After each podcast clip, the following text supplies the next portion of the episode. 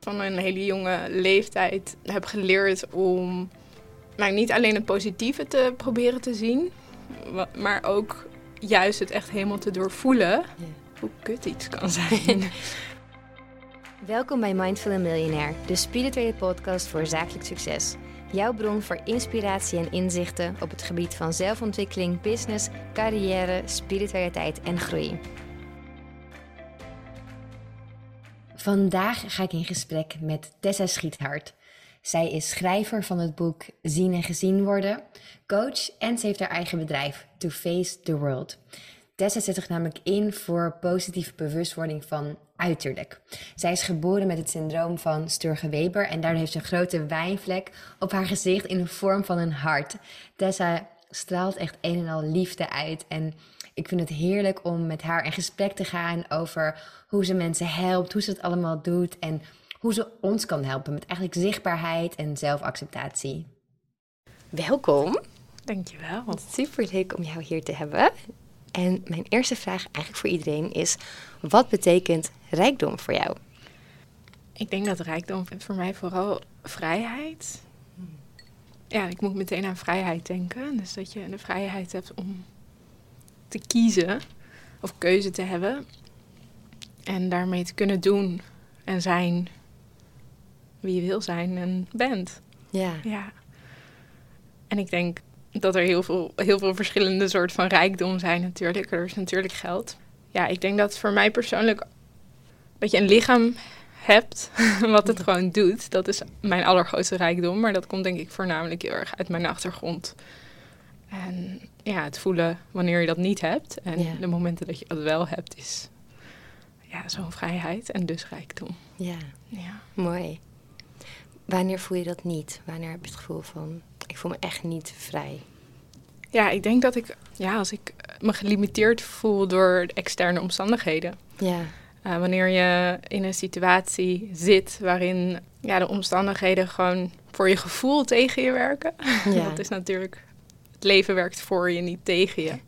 Maar soms zijn er wel momenten dat ik me wel gelimiteerd voel. Ja. Uh, het laatste jaar is dat vooral bij mij heel erg geweest in um, in het buitenland wonen, heel graag willen autorijden. Maar ja, altijd het idee hebben gehad dat ik nooit zou mogen autorijden. En daar voelde ik me dan beperkt in mijn vrijheid in. En dan is het leven dus zo dat het aan het eind van het jaar opeens uh, een bericht krijgt dat ik wel mag autorijden. Dat soort dingen.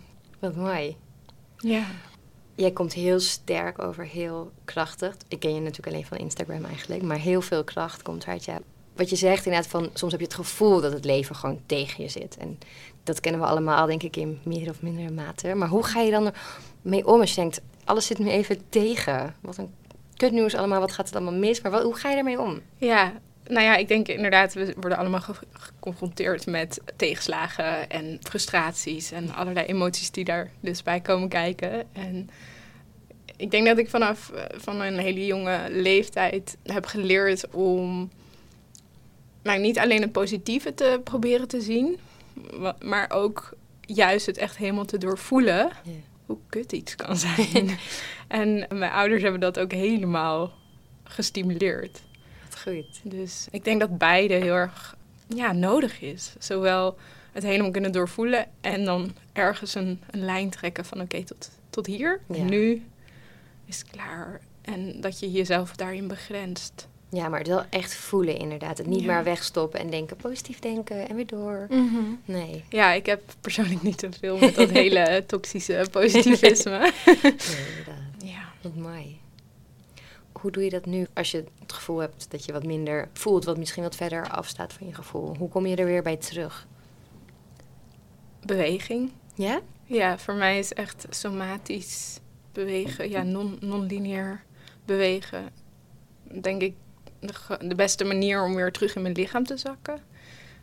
Felt sense meditations. Dus dat is het identificeren van welke sensaties je hebt in je lichaam. Daar mm. Een kleur bijvoorbeeld aan te geven of een textuur. En dat is eigenlijk een soort visualisatie waarin je voelt wat er in je grote tenen gebeurt of in je, in je heupen. En daardoor raak je je weer heel erg bewust van welke delen van je lichaam eigenlijk offline waren. Ja. En zo breng je ze weer op een creatieve manier online. En het is zeker een hele mooie, mooie manier voor heel veel van ons, als we in ons hoofd zitten, Ja. om de eerste stap te maken van oké, ik kan niet echt mijn onderbeen voelen. Ik weet wel wat, dat hij er Ja. is, maar ik kan Hoe niet echt van binnenuit Ja. voelen. Om, om er dan ja, texturen en kleuren en bijna alsof je hem gaat schilderen in je hoofd. Om het Ja. zo'n plaatje te maken, omdat je dan op een gegeven moment sensaties daar gaat voelen. Dat helpt mij heel erg om in mijn lichaam te komen. Ja. En nou ja, dingen als yoga natuurlijk. En yoga is een wat meer lineaire pra- practice natuurlijk. Ja, wat is dat non-lineair bewegen? Vertel daar eens iets over. Ja, ik kijk altijd heel erg naar beweging en ook het menselijk lichaam vanuit, nou ja, feminine en masculine energie. Mhm. Die we allemaal in ons dragen. En op een lineaire manier bewegen, dat is een wat meer statische, masculine manier. En dat volgt een patroon en dat werkt naar een doel toe. Vaak in een yoga practice is dat een peak pose of een bepaalde structuur van de practice. Ik ben zelf ooit begonnen met Ashtanga. Dat is erg een eh, gestructureerd. structuur en dat is echt poef, poef op, ja, op je ademhaling. En ik doe dat nog steeds.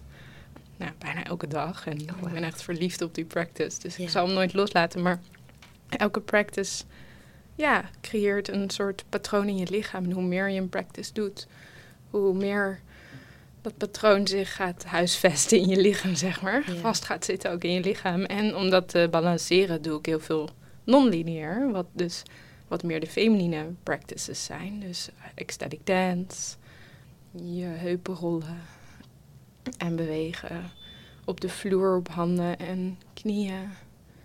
En ja, gewoon je lichaam bewegen zonder dat het een doel heeft. Met Ja. je ogen dicht, je emoties voelen daarbij, je gedachten tracken en je sensaties voelen. En bij non-lineaire beweging heeft het niet zoveel te maken met waar je heen gaat of Waar- wel- welk doel het heeft. Nee, en ook niet hoe het eruit ziet inderdaad. Dus het heeft echt juist het omarmen van de ugly.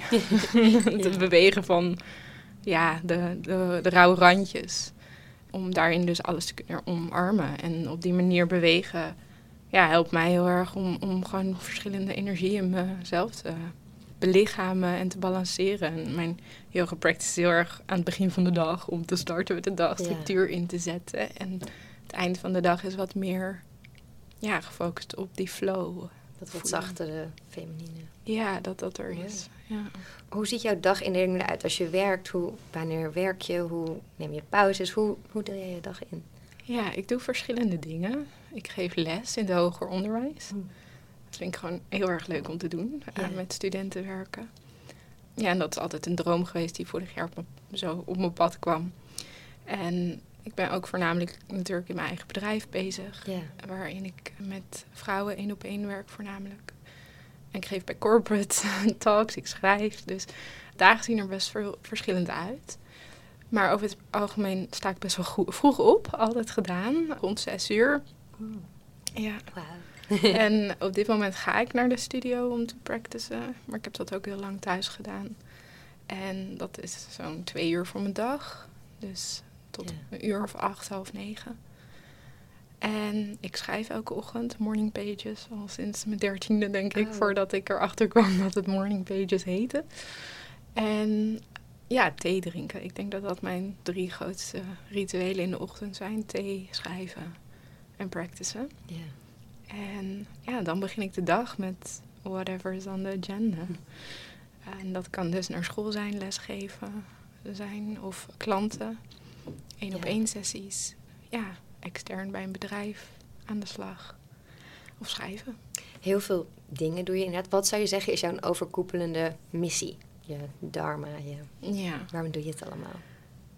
Nou, mijn bedrijf heet To Face the World. En dat komt natuurlijk heel erg vanuit het hebben van een wijnvlek in mijn gezicht. En eh, omgaan met zichtbaarheid. Ja. En ik heb altijd best wel een relatie gehad met schoonheid. Ik was altijd bezig met mooie dingen om me heen verzamelen. En heel erg oog voor detail, esthetiek.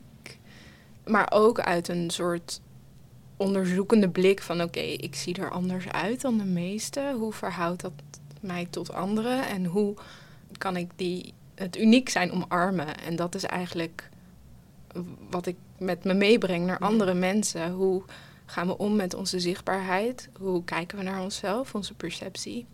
En hoe voelen we ons in ons lichaam? Dus er zijn een aantal thema's, denk ik, die bij mijn missie horen.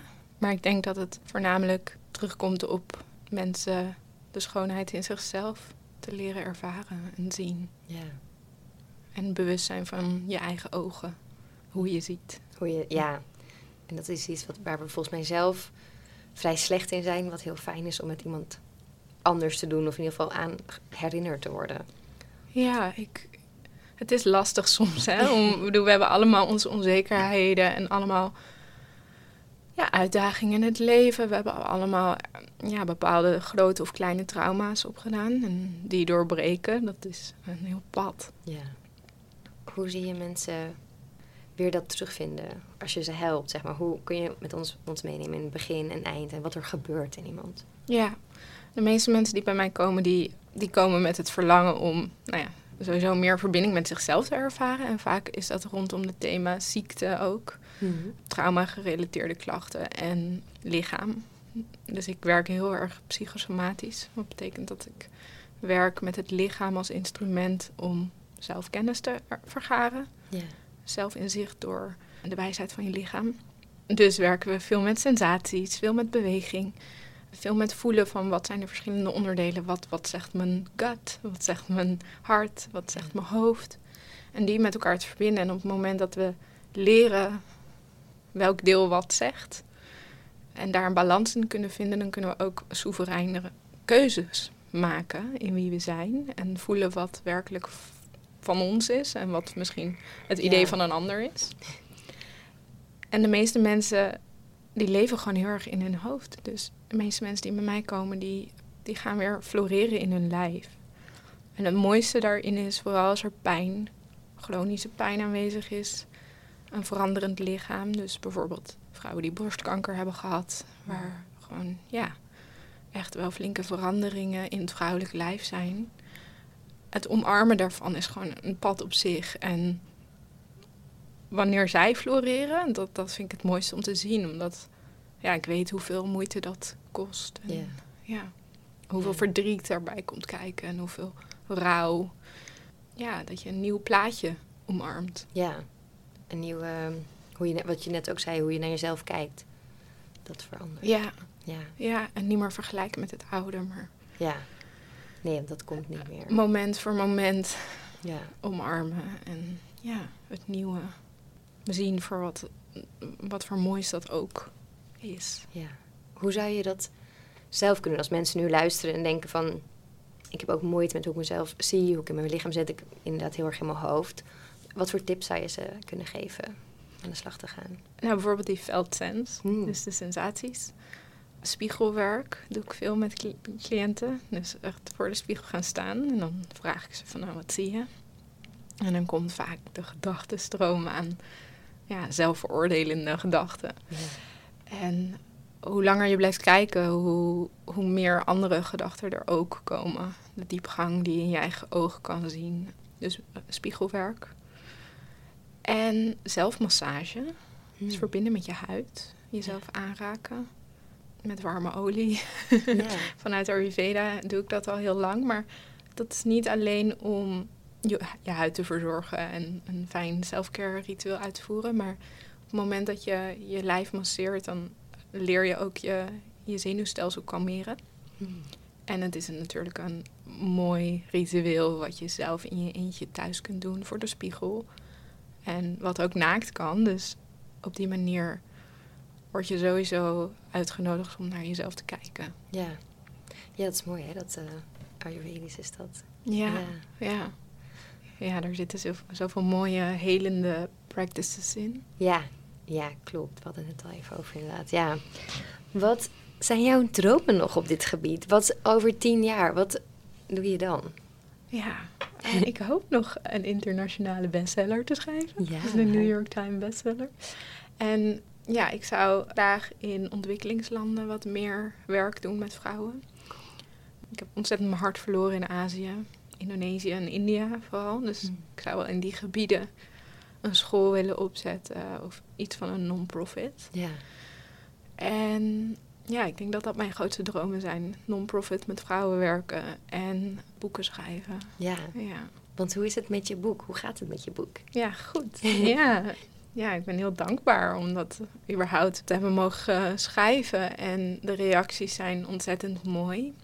Het is best een specifiek na- verhaal over, nou ja, mijn ervaringen met mijn wijnvlek en alle lessen op dat pad, spirituele pad. Ja, Dus ik heb het in die zin, ja, misschien ook wel voor een specifieke groep geschreven. En ik merk juist dat die groep sowieso hele lovende reacties erop hebben. En, maar ook dat het heel veel mensen ondersteunt. Dat het zo universeel is hoe we met ons uiterlijk omgaan. Dus ja, dat is, ja, dat verbaasde mij heel erg. En dat, ja, daar ben ik heel dankbaar voor. Want ik denk, o- hoe je er, het maakt niet uit hoe je eruit ziet, maar we hebben allemaal een relatie met ons lichaam.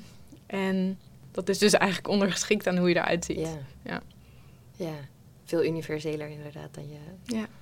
denkt. Ja, wat mooi. Beetje, beetje verwarrend verwoord. Nee, maar ik snap, ja, ik snap heel goed wat je bedoelt. En je had het over je spirituele pad en inderdaad dat dat er ook in zit. Wat zijn de grootste lessen die je hebt geleerd op dat gebied? Of inzichten die je hebt gekregen? Ja, ik ben op mijn zeventiende in contact gekomen met Ayurveda. Omdat mijn Ja. vader een boek uit de kast trok. Twee weken voordat ik een operatie aan mijn ogen moest ondergaan. En toen kwam ik er nou ja, niet alleen achter dat mijn vader blijkbaar een kast vol met spirituele boeken had. Echt van Tao Te Ching tot ehm, boeddhistische spirituele wetten voor opvoeden. Eh, ja, echt een kast vol. En dat boek over Ayurveda wat hij mij toen gaf, dat heb ik in drie dagen uitgelezen. En dat was eigenlijk mijn voorbereiding op die operatie. En ja, ik was mind blown. En ik zat elke ochtend braaf te mediteren voordat ik naar school ging. En ik was mijn eten aan het aanpassen en heel erg anders aan het denken, zodat mijn operatie beter zou lukken. En ja, die operatie is goed gegaan en ik heb Ayurveda nog nooit meer losgelaten. En dat boek heeft echt heel veel impact ge- gehad. En een jaar later, na mijn middelbare school, ben ik naar San Francisco verhuisd. En daar stond ik op een zondagochtend op een rooftop. Het was 40 graden en lag ik op een stinkend matje. En ik had geen idee wat ik ging doen. Maar dat bleek uiteindelijk yoga te zijn. En ehm, dat heb ik ook nooit meer losgelaten. Dat had zo'n impact. Ik weet nog dat ik in Shavasana, de eindpose, lag en een soort bliss ervaarde.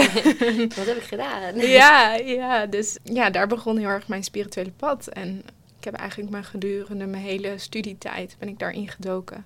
Ja.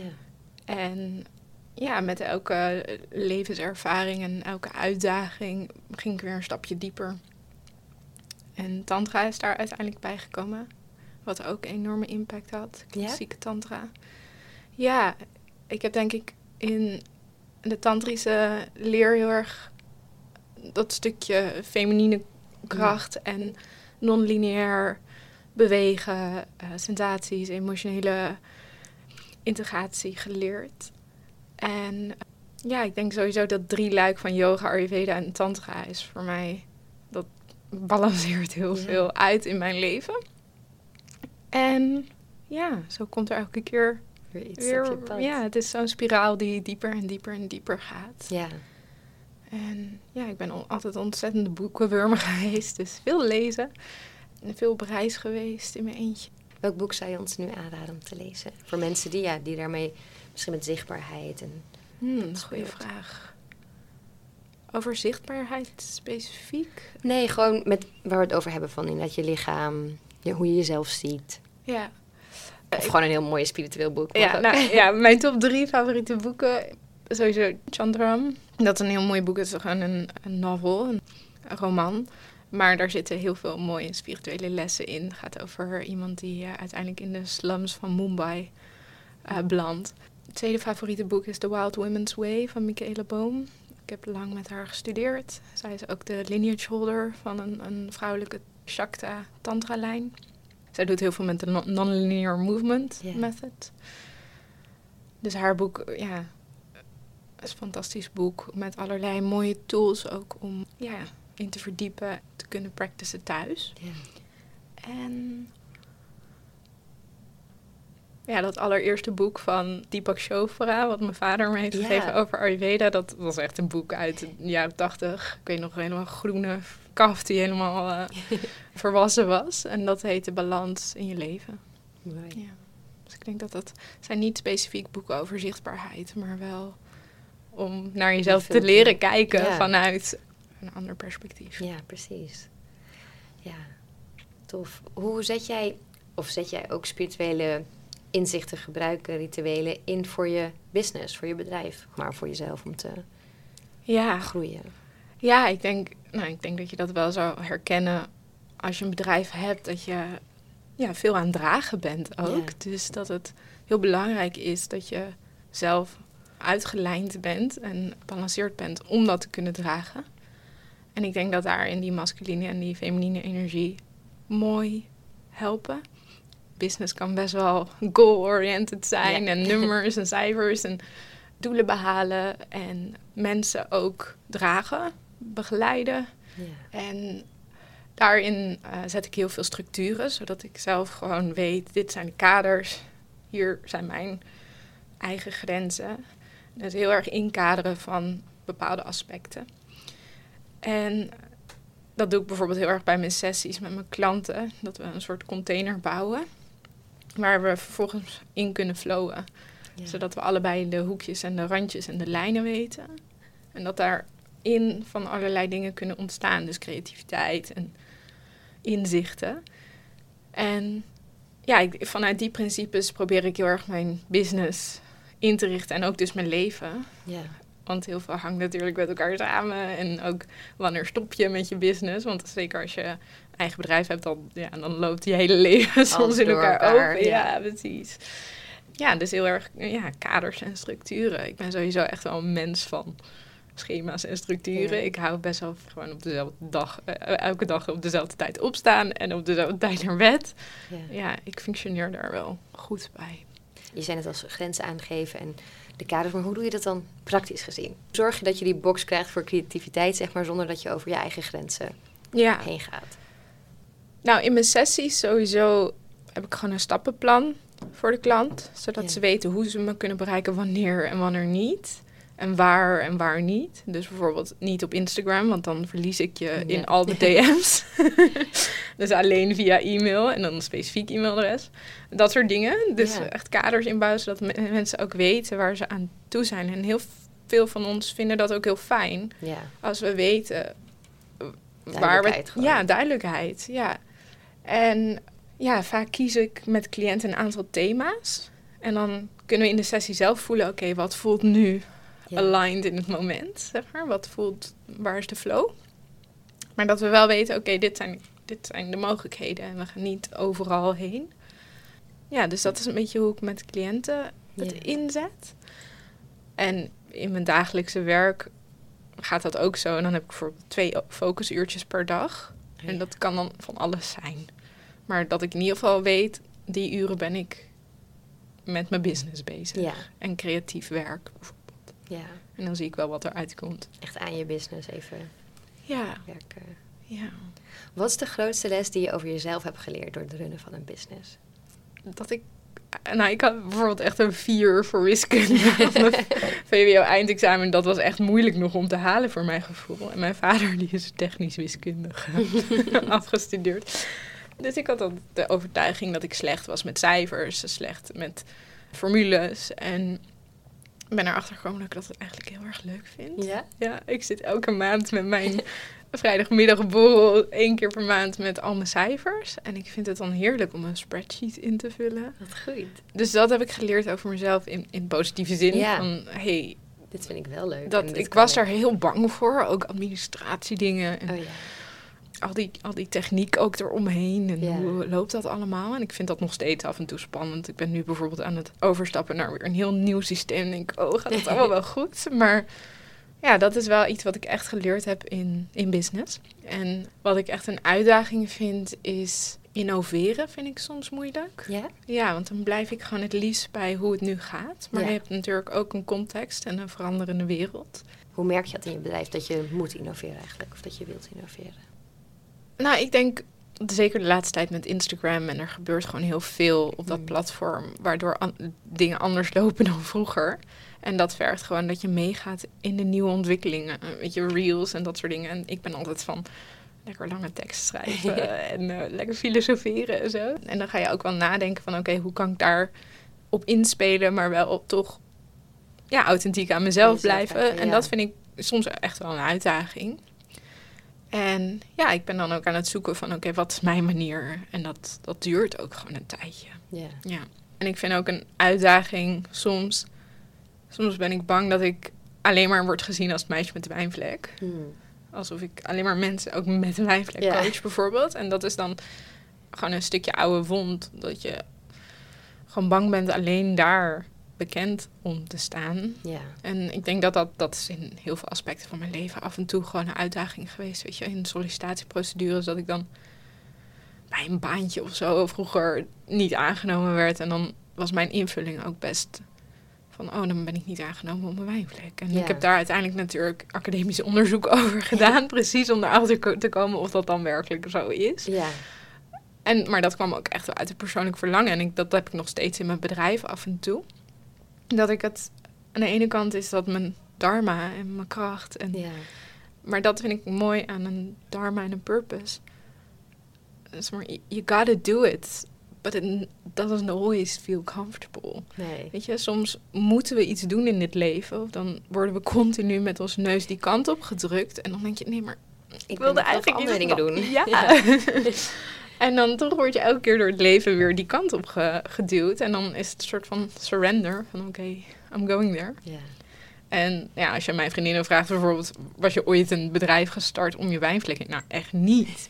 Ik was echt daar nooit mee bezig. Op Nee. die manier. En hoe is, het toch, hoe is dat bedrijf er toch gekomen? Hoe dacht je opeens, hé, hey, dit is mijn kracht? Ik deed op de universiteit een master organisatieantropologie. Dus mensen als systeem in een organisatie. En toen ging het heel veel over diversiteit en inclusie, hot topics, gender, race, ethnicity. En toen dacht ik, hè, maar wat als je, hoe zit het met de uiterlijkheden die afwijken van een norm die we met elkaar hebben? Nou, en toen dacht ik, nou, dan ga ik dat onderzoeken. En dan neem ik mezelf als onderzoeksobject. En toen dacht ik, oké, hoe kom ik dan aan mensen om te interviewen die iets soortgelijks hebben Ja. als ik? En dan kom je ofwel bij patiëntenorganisaties, maar toen dacht ik, ja, nou dan heb ik patiënten.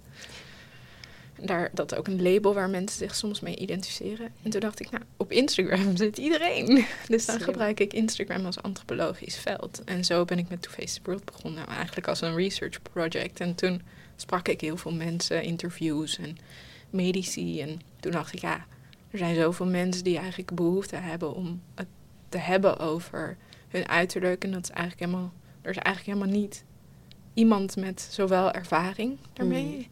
expertise, als ook academisch geschoold daarin. Dus toen, dat was een beetje een soort van Snijvlakken die allemaal bij elkaar kwamen. ja, en toen heb ik heel snel dat omgezet in een bedrijf. En ja.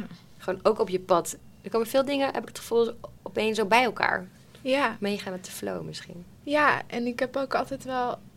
Ik wist nooit wat ik wilde worden. Of weet je, Mhm. iedereen zei altijd: ah, Tess, je moet psycholoog gaan worden. Maar dat vond ik te veel mind. Hmm. En ik wilde met het lichaam bezig zijn, want ik was net met yoga bezig. Dus toen dacht ik: Nou, dan ga ik antropologie. Dat is lekker met mensen en groepen. En ik was altijd in de klas best wel aan het observeren. Dus ik was altijd een beetje. Nou, ik kon dan.